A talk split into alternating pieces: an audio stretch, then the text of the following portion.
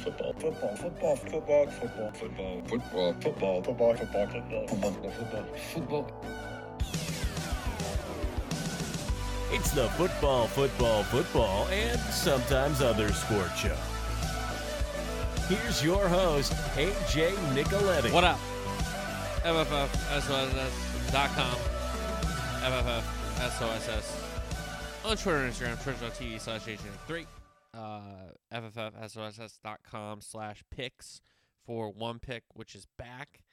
Um, we just started that up again this week for college basketball, so that's one pick a day. We tweeted out on uh, my Twitter and also the show Twitter at FFFSOSS. So if you want to follow those picks, we have a good record over three years. Haven't started great this uh, this campaign, but we are trying to turn that around. So we'll see. Um, the big news on the show: I was going to do that college basketball catch up. I had built the whole show around that. Uh, I was gonna do that in the beginning, and then we'll go to all the other sports and stuff with the coaches getting hired and and some soccer and stuff like that. But Tom Brady has retired again. He says, "quote for good." Um, so that will be the kickoff. We will talk about Tom Brady calling it quits again uh, and retiring. So we'll do that at the top of the show. Then we'll do the NFL coaching carousel update with two more jobs getting filled and hiring their head coaches. Uh, we got a transfer deadline day recap after that weekend soccer preview. Then we'll do the college basketball catch up and a little golf at the end of the program. Just off the top, uh, recording this on Wednesday for you guys on Thursday. If you saw the Mike and the Mad Dog reunion on First Take, I thought it was great. I think it's a little unfortunate that the Brady stuff did drop on Wednesday because that kind of hijacked the show. I think they had debates lined up where Stephen A was going to take a side or defend one of his takes or attack one of Mike or Chris's takes, and they were going to uh, two v one him or one v two. So I don't know. I that I kind of wish that happened. Hopefully, honestly, it leads to Mike going back because I haven't watched First Take in a long time. I watched some of the Russo clips that I see on Twitter, but I don't really watch the show anymore.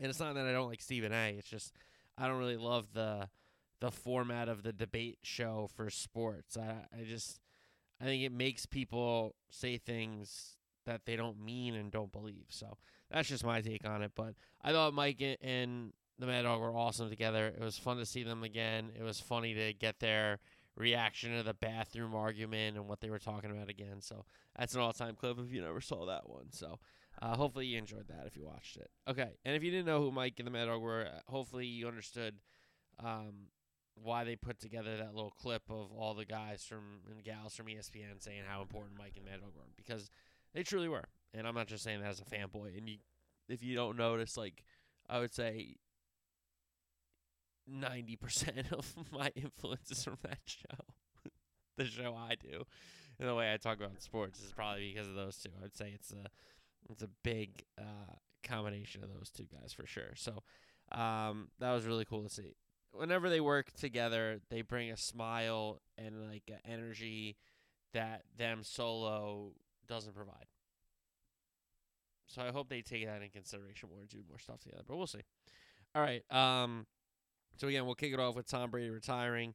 Do our NFL coaching carousel update. Then soccer with transfer deadline day recap, weekend soccer preview. Then into our college basketball catch up, which I'm sure if you're a big college basketball fan, you're going to know a lot of the things I'm saying with the big time players and the teams and who they lost to and all those uh, uh, storylines already. But if you haven't been paying uh, close attention to college basketball, like I really haven't, that's why I did the deep dive. Um, so that's what we'll do in that. I guess last segment before we talk a little golf. So, all right, kick it off. Tom Brady retires, quote, for good, unquote. Uh, this was a video on Twitter posted on Wednesday morning. Quote, I know the process was pretty big deal last time. So when I woke up this morning, I figured I'd just press record and let you guys know first. I won't be long winded. You only get one super emotional retirement essay, and I used mine up last year. So thank you guys so much for um, every single one of you for supporting me. My family, my friends, my teammates, my competitors. I go on forever. There's too many. Thank you guys for allowing me to live my absolute dream. I wouldn't change a thing. Love you all. End quote. So uh, that is the message. Reports that Brady called the Bucs at 6 a.m. to tell him, tell them that he wasn't coming back, it's been reported. Sure, there's a lot of people that say, "Hey, this could be a landing spot. This could be a landing spot." Jeff Darlington, who's been really the closest to Brady, I'd say, in this whole reporting saga. If you want to talk all the insiders, right? Darlington's had a lot of the the, the first kind of reporting. So, him saying that Brady had it down to either retiring or going back to the Bucs, he wasn't going to another team. That I do find a little interesting, but Brady calls it quits. We kind of did this last year on the same date, I'm pretty sure, and then 40 days later he came back to play for the Bucs, but it does seem like this time it certainly is for good.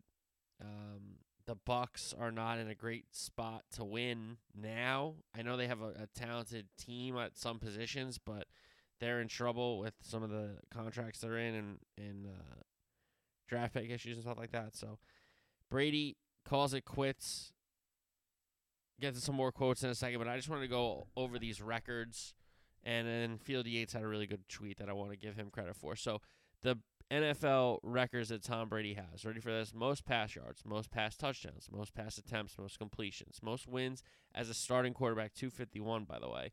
Most 3,000 yard passing season, most 20 passing touchdown seasons, most quarterback starts, 333, most games by a quarterback. Oldest quarterback to start and win a game oldest player to play and win in a Super Bowl. Here come the Super Bowls. Most Super Bowls. Uh, one, seven, in 10 appearances. He has the record in Super Bowls for passing yards, passing touchdowns, completions, pass attempts, most passing yards in a Super Bowl with 505, most completions in a Super Bowl, and most pass attempts in an individual Super Bowl. So he has the total and the game uh, Super Bowl stats for those categories. Also has most playoff wins, 35, most playoff games, 48, most playoff passing yards, passing touchdowns, completions, uh, pass attempts. Then most games with a touchdown pass, most games with multiple touchdown passes, most games with three touchdown passes, most games with four touchdown passes. He has also the most consecutive games with two touchdowns and no picks. Most games with 300 yards and no picks.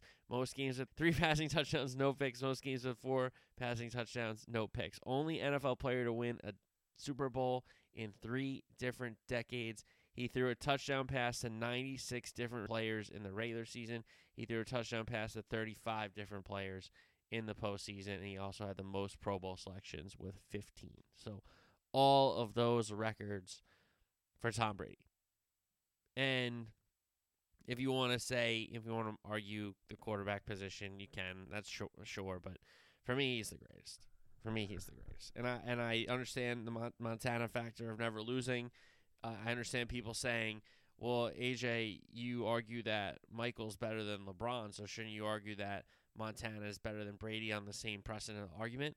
Well, it's a little different for me because LeBron has lost the more finals that he's gone to, where Brady has won the more Super Bowls that he's gone to. Do you see the difference there? So that's why I say I say it's kind of a different argument. So those were all Brady's records. Field Yates had a good tweet broken down uh, Brady's career as his ages. So Brady in his 20s, 21,564 passing yards, 147 passing touchdowns, three Super Bowls. Brady in his 30s, 40,018 passing yards, 309 touchdowns, two Super Bowls. Brady in his 40s, 27,632 passing yards, 193 passing touchdowns, two Super Bowl wins. It's three Hall of Fame careers. I mean, it really is. It's like three separate Hall of Fame careers, and you put it together, it's the greatest player statistically in the game. Outstanding, outstanding career. Bob Kraft, the owner of the Patriots, quoted, I don't ever believe in the 100 year old history of the NFL there's been a quarterback of Tom's ilk. I don't know, but I would have trouble ever believing there would be another one. So um, Tom Brady calls it a career, says goodbye, walks off into the sunset. He wanted to play at 45 and win. He got his team a division title and into the postseason. And, um, I mean, he won a Super Bowl leaving New England. Like everyone was like, "Is it Belichick or is it Brady? Who's the who's the real like the the the real, real success. Like who should get the real credit? It was like the whole thing. And even the owner got involved there with Kraft. But Brady goes to Tampa, bets on himself, and says, I can win without Bill, and does. That's pretty crazy. And I understand the next year he does put his team up, and Stafford to Kupp wins the game, so it's not necessarily his fault. And then this year they had a bad team. They had a really bad team, so th- they were lucky to be in their division hunt to begin with, let alone you know make their division. I guess pseudo championship game, I guess you could call it, and uh, win a division host a playoff game. Any other division they're out of, you know. So, uh, but Tom Brady calls it quits. I read you all the records. The seven-time champion in ten appearances. That's ridiculous. It's ridiculous. Um, put it into perspective, Mahomes just went to his fifth AFC title game. He has 10 wins. Brady has 35 in the postseason. And, you know, to be fair, the Chiefs have had a lot of buys in the Mahomes era, so they're playing one less game, I guess you could say. But it doesn't really matter. It just shows you the longevity and the success of Tom Terrific, Tom Brady. Retires, quote, for good. I thought it was a nice little video there. I thought he did a nice job. Um, I thought it was a nice little joke of saying like you only get the the the nice essay one time, and I wasted it last year. I used it last year. That was pretty good, I thought. So, Tom Brady, one of the greatest, if not the greatest, says goodbye to the game, and that's like, uh, I'm sure for a lot of people, the tie back to the late '90s, early 2000 NFL. Tom Brady. He's still in the league. He's still playing. You know, like I'm sure a lot of people remember when Brady burst onto the scene with those Patriot teams and how young they were and what they were in different lot, you know, at those point in their lives. So it's a big deal. It's a big deal. So goodbye, Tom Brady. Thank you for a hell of a career. And I'm like uh I'm a converted fan because for years I hated his guts, and then my roommates in college from Massachusetts brainwashed me. So that's how that happened. All right. NFL coaching carousel update. We got two jobs filled. Denver trade for Sean Payton. The Saints send Payton and a third for this year's one and next year's two. So Denver sending picks left and right. Um, but they get their coach to work with Russ. They've given up a lot of capital to get this head coach and the quarterback. So we'll see what those two can combine for. We understand that he wanted either the Cowboy job or the Charger job. Those jobs don't open up. So Sean Payton might have got a little antsy here, but he says, I want to go coach in Denver, and he does. So Payton with the Saints in 15 seasons, 152 and 89, won that Super Bowl 44 versus the Colts. Uh, what a game that was in Miami, if I'm not mistaken. Uh, Sean Payton becomes the fourth head coach since 97 to be traded in a deal that included a first round pick. 97 is Parcells from the Pats to the Jets. Then in 2000, it was Belichick from the Jets to the Pats. 02, Jon Gruden on the move from Oakland at the time of the Raiders to Tampa Bay. Those two teams famously matched up in a Super Bowl where Jon Gruden won it with the Bucs. And now 2023, Sean Payton from the Saints to the Broncos. Payton in the third, uh, going to Denver and back to New Orleans, a first this year and next year's second. I think that's a good haul. I think that's a good haul for um, the Saints. A guy that you're not coaching, you get a first round pick and a next year's second, and you just got to give up a third, and you get a guy again that wasn't coaching for you. So I think it's a good job. Holmgren and Herm Edwards are also traded in their uh, in their day. So Sean Payton gets hired in Denver, and Houston goes with DeMeco Ryans, the former now Niner defensive coordinator. But how about this? If that name is familiar for you with the Texans, it's because he's the franchise leader in tackles. He was a two time Pro Bowler. He had a 10 year career with the Texans and Eagles, second round draft pick out of Bama by the Texans in 06. Uh, defensive rookie of the year that season. He finished second in the league in tackles, and his solo tackles, 126, were a rookie record. No, second most for a rookie in NFL history. My apologies. Second most. I apologize. So DeMeco Ryans gets his chance, and I just hope for his sake, because you look at the last two guys that have coached in Houston, um, Culley and Lovie Smith, they've been each given a year and, and then sent packing. So, um, you you wish the best for DeMeco Ryans uh, to turn that thing around because that is um that's a tough job. That's a tough job. I'll be honest, there's not a ton of talent on that team. They have a lot of assets and capital coming up, but they gotta hit right on those. You know, so uh, it will be it will be interesting. It will be interesting. Stingley's a good player. They have Metchie, he's a good player. But we'll see. So three jobs filled with Frank Reich going to Carolina. Sean Payton is in Denver now, and DeMeco Ryans goes back to Houston. So the Cardinals and Colts are the jobs still open. You gotta think that they're looking either at a Chief guy or an Eagle guy, possibly Eric Bieniemy getting his chance in the NFL. I wouldn't be shocked if he goes to Arizona to work with Kyler Murray. Um, I would not be shocked by that at all. But at this point, you got to figure either they're deciding between guys that are available or they're waiting for Super Bowl to be over so they can go through their whole process. Because Arizona and Indy now have let, well, Indy is not going to sign Frank, uh, bring Frank Reich back, obviously. So Indy, two other guys have been hired that they could have considered. Arizona, three guys technically have been hired that they could have considered. So uh, Arizona, Indianapolis, the two jobs open in the NFL coaching carousel.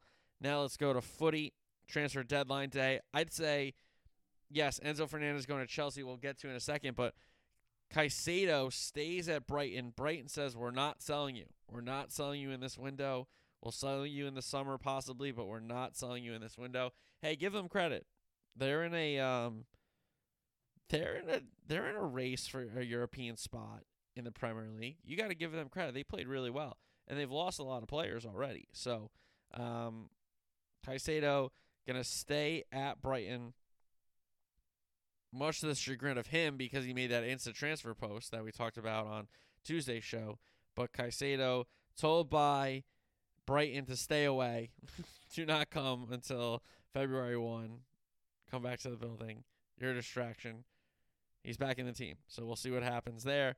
So now we get to the moves that did happen. Chelsea do get Enzo Fernandez a record uh, transfer fee. He comes into the Chelsea midfield, but unfortunately for Hakim Ziyech, who was looking to get a big move to PSG to reunite with Hakimi, his um, his countryman, that collapses at the deadline. Apparently, Chelsea sent an attached email that was not the right attachment, so uh, PSG couldn't sign an uh, attachment that wasn't signed or something like that. So unfortunately, Ziyech in the Paris like lobby in the facility cannot join the team because Chelsea did not get the paperwork right. So Chelsea get Enzo Fernandez. They're gonna move on from a ton of guys in the summer. They have to because they have brought in so many players. Todd Boehly is paying up right now. So with Enzo Fernandez coming into the Chelsea side, Jorginho goes to Arsenal, and he's going to help out and play that Thomas Partey role and give Partey a like. You can actually spell Partey now because before, yeah, you could put Xhaka in there. I guess you could put Lokonga, who actually goes on Crystal Palace. Uh, a loan on loan to Crystal Palace. Cedric Soares also gets loaned out to Fulham from Arsenal. So Arsenal making some moves. They bring in Jorginho to help Thomas Partey in that holding uh, sixth position. I think it's a strong move. I think it helps your team. He's a winner, and you're trying to win a league. You bring him in, not only to your team, but in your dressing room, and he's a guy that can close games out for you. He really helps it out. He really helps out. So I think that's a really good move for Arsenal once they realize that Chelsea, you're going to have to move on from some guys. Why don't we just grab uh, Jorginho now? So other big move in the Prem Sabitzer, who wasn't getting the games he felt he should have got at United or at Bayern Munich, now makes a move to United. And Man U gets a guy in their midfield with Christian Eriksen going to be out for a, little bit now. This is a really, really good move. I think Sabitzer can be a very, very good midfielder at the upper echelon levels. I think he's that good of a player. Um, and he's still developing. He's still relatively young. So I think this is a big move it gives him an opportunity to come into a midfield that is missing a player already. It's not like he's gonna have to fight for time. Like to come into a midfield and say, okay, Casemiro, Bruno, and who like you you could slide in Sabitzer right into that Eriksen role. Same kind of player, like a little bit off. Like Eriksen's a little more offensive, but Sabitzer's more of a complete midfielder. So maybe it even makes you a better team. So I'm I'm interested. I think that's a really good move for United. Give them credit. Give them credit. Doherty goes from Tottenham to Atletico. I think he can help out. He can play a nasty little game as well. So I I wouldn't be shocked to see him fit in well there. Forest continue to add players. They get Jonjo Shelvey from Newcastle. They get Keylor Navas from PSG. So it's Navas and Henderson, the goalkeepers. They get Felipe, the uh, uh, the Brazilian defender from Atletico, so to bolster up that back line. So you can't fault Forest. They've signed a bunch of guys. They are really, really trying to stay up. You can't like a couple times. You know, I don't want to knock a Norwich really bad or um, some other teams, but there's teams that come up that like come up with their championship sides like, okay, we're gonna we're gonna compete. Like, no, you're probably not. And that's not like a knock. It's just, yeah, you won the championship. That's a good league, but this is maybe the best league in the world in the Prem. So you can't knock Forest. They have signed so many players, so many players.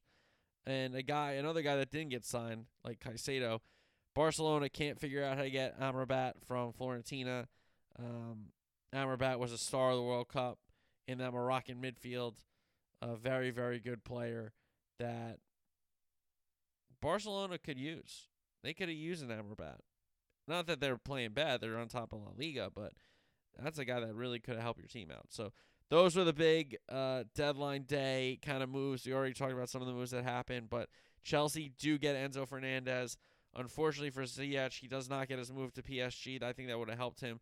They got to move a midfielder from Chelsea, so they go with Jorginho. They sent him to Arsenal.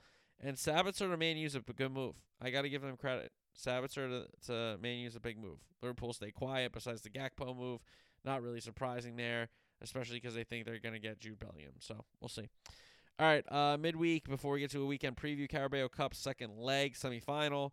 Newcastle Southampton. Newcastle had a lead coming home to St. James Park, and with a Longstaff brace, Che Adams brought one back for Southampton, but it was not enough. Newcastle advanced to the final where they will take on Manchester United, who get another clean sheet against Forest. They had blanked Forest at the City Ground 3 0 in the first leg, and in the second leg, they come back to Old Trafford.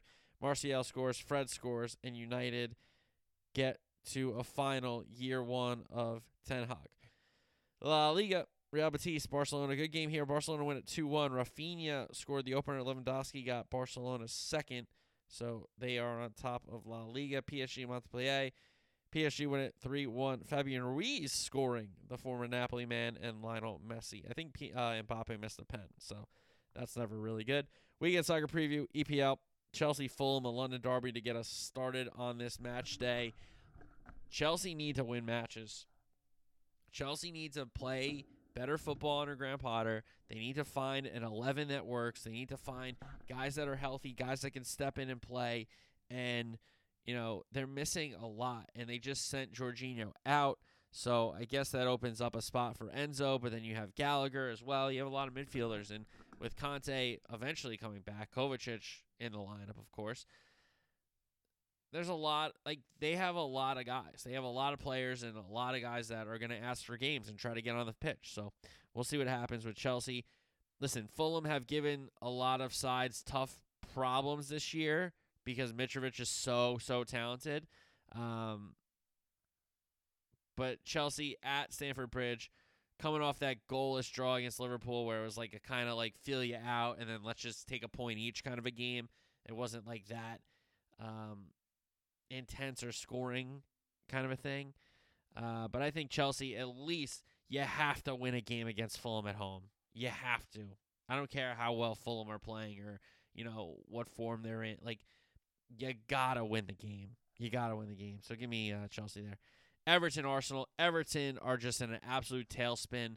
It would be unfortunate to see um, them go down to the championship, but it's really, really seeming like that's uh, the the probability is going higher and higher with that. They didn't sign anybody in January.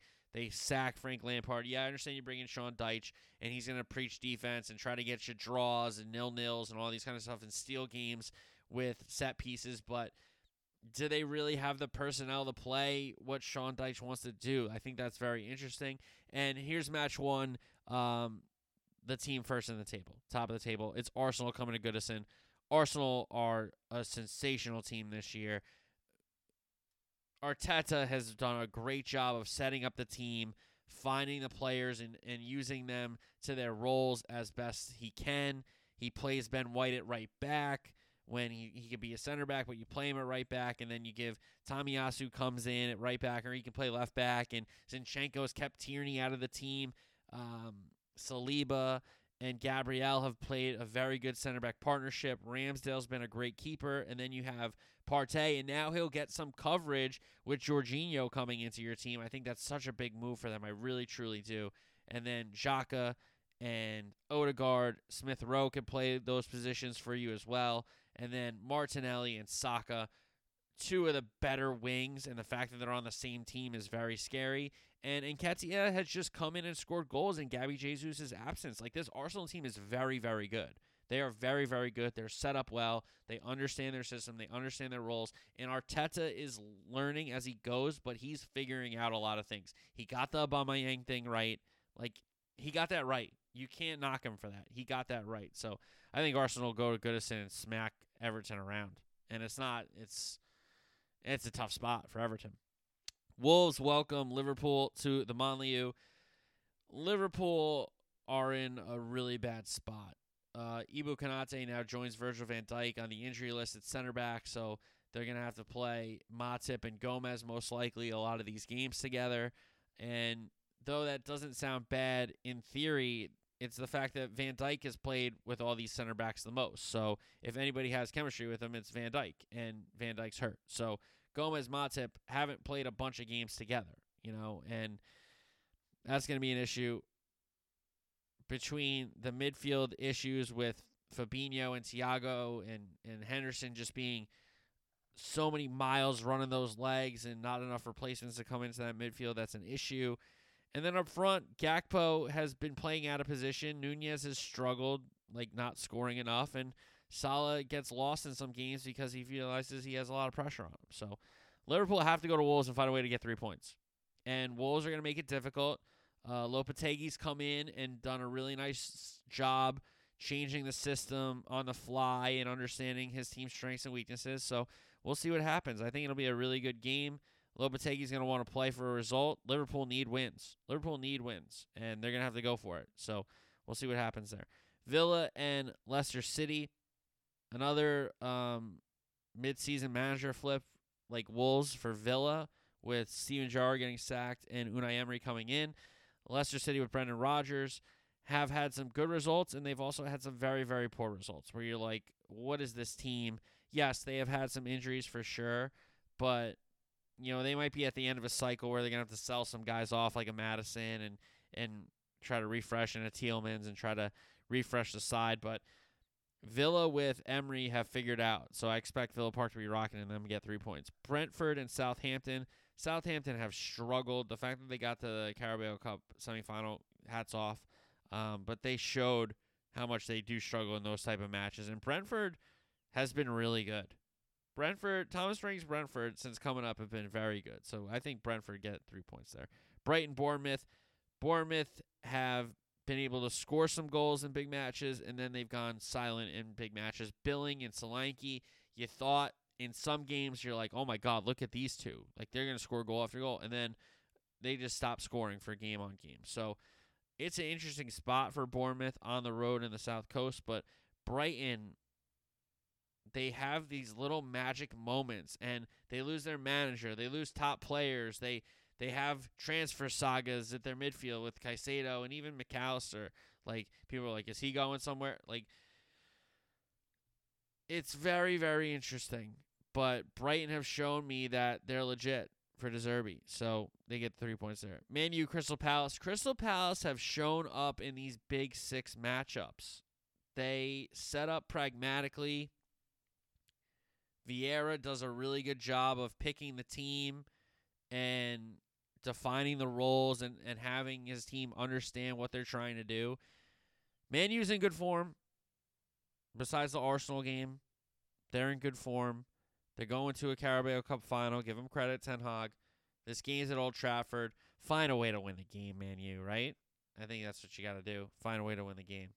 So, next up, Newcastle and West Ham. West Ham are struggling.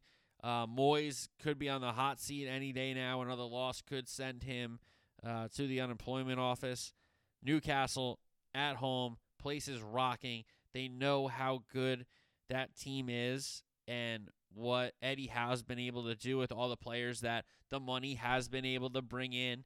Um, they're really good. Newcastle's really good. They got a lot of players. They got a lot of guys that can play a couple different roles for them. I'm speaking of like Joelinton could play wing, he could play center mid, he could play defensive mid. Like he helps you out and gives your team a lot of other weapons. And like a guy like St. Maximin barely has been in the team recently because Almiron, Isak, um, these guys are keeping him out. Callum Wilson, these guys are keeping him out of the team. So uh, Newcastle gets the three points there. Forest leads. This could be a really, really exciting game. This could be a nil-nil game, depending on what happens at the City Ground. Because Leeds, they bring in Weston, Weston, Adams, Aaronson, like they have to be on the field. Those are three really good players, in my opinion. That helps your team immensely. Um, I think Forest. Do you just throw Keylor Navas in right away? Do you keep playing Henderson? Do you um, put in a Jonjo Shelvey in the middle of your midfield match day one with Gibbs White? You know, so uh, match day one. But your his first match day with your team, you just put him in straight away? I really want I really want to look at these Forest 11s going forward because Cooper has so many guys he can pick from. And even to build an 18 and to bring in the five subs, he has so many guys. So it's going to be interesting the teams that he sets up with going down the stretch to try to keep Forest up. They have an opportunity against Leeds to get points at home. Can they do it? It's going to be difficult. I think a result there for either team and a draw is a good result and a fair one. Then we have Tottenham Man City. And the news for Tottenham, unfortunately, is that Antonio Conte suffered a uh, medical emergency where he had to have surgery and he'll be out for some time away from the sidelines. So they will not be able to have him kind of pick them up on the touchline in a big game against the city at home when they need a little spark, when they need him to yell at the ref and get them involved, when they need like all those kind of little moments that he's so good at doing. And you remember from like the Chelsea or even in the early Tottenham days here. Uh, and if you watched any highlights from his time in Italy, um, with Inter, Juventus, you know how good those teams were and how emotional he was and how those guys love playing for him. That's like half of his thing. It's a lot like Mourinho. The guys like love playing for these managers. So it's going to be a big miss for Tottenham for him not to be on the touchline. That's for sure. But City, you know, they lose Cancelo and this this kid uh Lewis comes up and it looks like he's going to be the guy now. So it's not even like they're missing anybody. Um, it's a really, really interesting matchup. City are going to have to really win out, and Arsenal will have played by then, so they'll know if they have to make up the three points to get some ground, or they'll have an opportunity to close the gap if Everton do ever get a result against Arsenal, which I really doubt them doing, but we know that. So, um, for me, this is a game that Tottenham would need Conte. They would need him to make the adjustments. They need him to build the team and be ready, and they're they're just not going to have him. So, City they just beat Arsenal. That was a big game. They just made a big move, getting rid of Cancelo. Nobody's bigger than the team kind of moment. That probably galvanized a lot of them, to be honest. So I think City wins this one going away. La Liga, Real Madrid play Valencia on Thursday, and then the weekend games: Atletico Getafe, Mallorca, Real Madrid, Barcelona, Sevilla, Serie A, Roma, Empoli, Sassuolo, Atalanta. League leaders Napoli go to Spezia Calcio. We got the Milan derby with Inter being the hosts at the San Siro against AC Milan, and then we have Hellas Verona, Lazio. Juventus really don't matter. They play Tuesday, I think, anyway. But yeah, I mean Juventus really don't matter in that race anymore since the 15 point. Uh, punishment. Bundesliga action. Cologne and Rebel Leipzig. Union Berlin is second. They play host to Mainz. Dortmund play Freiburg at home, and then Munich travel to Wolfsburg. League Un. PSG hosts Toulouse. All right, here we go. College basketball catch up. Uh, let's start in the Big 12. They're ranked seven, Kansas State, but they'll drop because they just suffered their fourth loss. They're 18 and four. The losses are Butler, TCU, Iowa State, and Kansas. They got Keyontae Johnson, the transfer from Florida. Him, Nowell, Tomlin all get 10 plus. Sills just over eight. They got six guys over 20 minutes for Kansas State playing big time minutes there for um, former Baylor assistant. That's the head coach there. So Kansas is eight currently in this poll. 17 and 4 as we go through the Big 12 here. Losses to Tennessee. Then they lost to three straight Kansas State, TCU, and Baylor. Uh, Wilson gets 20 plus a game. Dick McCullar Jr., the transfer, Adams Jr., they get 10 plus. Harris is a, a guy that handles the ball a lot, doesn't look to score, but he gets about seven a game, but he does so much more than score for that Bill Self team. Next up in the Big 12, Texas is 18 and 4. Uh, if you're not familiar, Chris Beard was a big hire there, coming over from Texas Tech. Uh, a domestic violence issue. Uh, Texas agreed to kind of fire him in the midst of it, and they've moved on. Losses are to Illinois, Kansas State, Iowa State, and Tennessee. Allen, Carr, uh, Tyrese, the transfer, Rice, they're all in double figures for the Hook'em Horns. Jamie Dixon's TCU Horn Frogs are ranked 15 in this current poll, 17 and 5 on the seasons. A bad loss to Northwestern State, but other than that, Iowa State respectable, Texas respectable.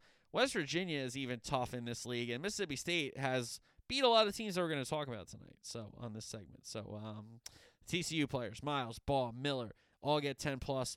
O'Bannon, Coles, Peavy, Lampkin, they all chip in, and it seems like it's Miles, Baugh, Miller, and then two of those four other guys step up every night for TCU. Iowa State is ranked 13th, 15 and 6. And guys, I'm doing these uh, if some teams played Wednesday night or Thursday, like I, I'm doing it before the games on Wednesday, the record. So if you're like, the team lost that night that he's recording. Yeah, well, I'm kind of doing the show while the games on. What do you want me to do? Anyway, Iowa State 15 and 6, losses to UConn, Iowa, Kansas, Oklahoma State, Mizzou, and Texas Tech. Holmes, Kalscheur, and Grill, the shooter, get 10 plus. Osunniyi and Kunc nearly get 10.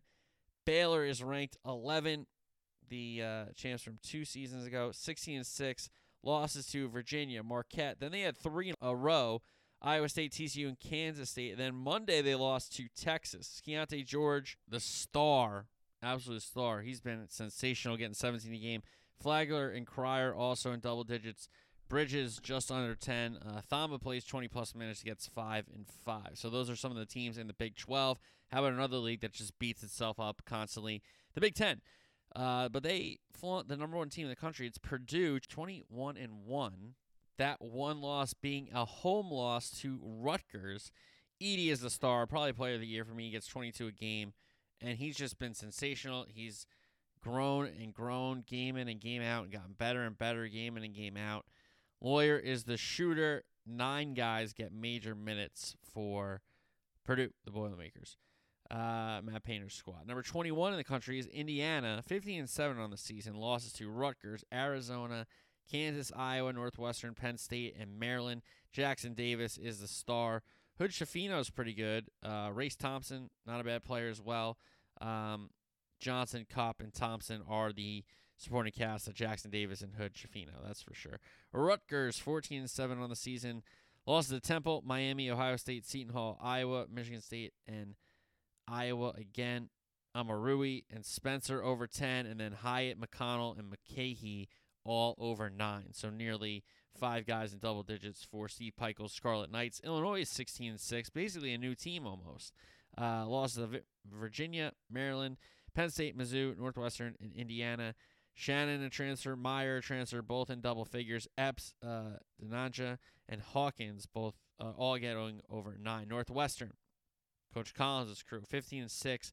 The six losses being Auburn, Pitt, Ohio State, Rutgers, Michigan, and Iowa. Buie and Audige over 15. Berry, Beran, uh, both nearly getting 10 a game.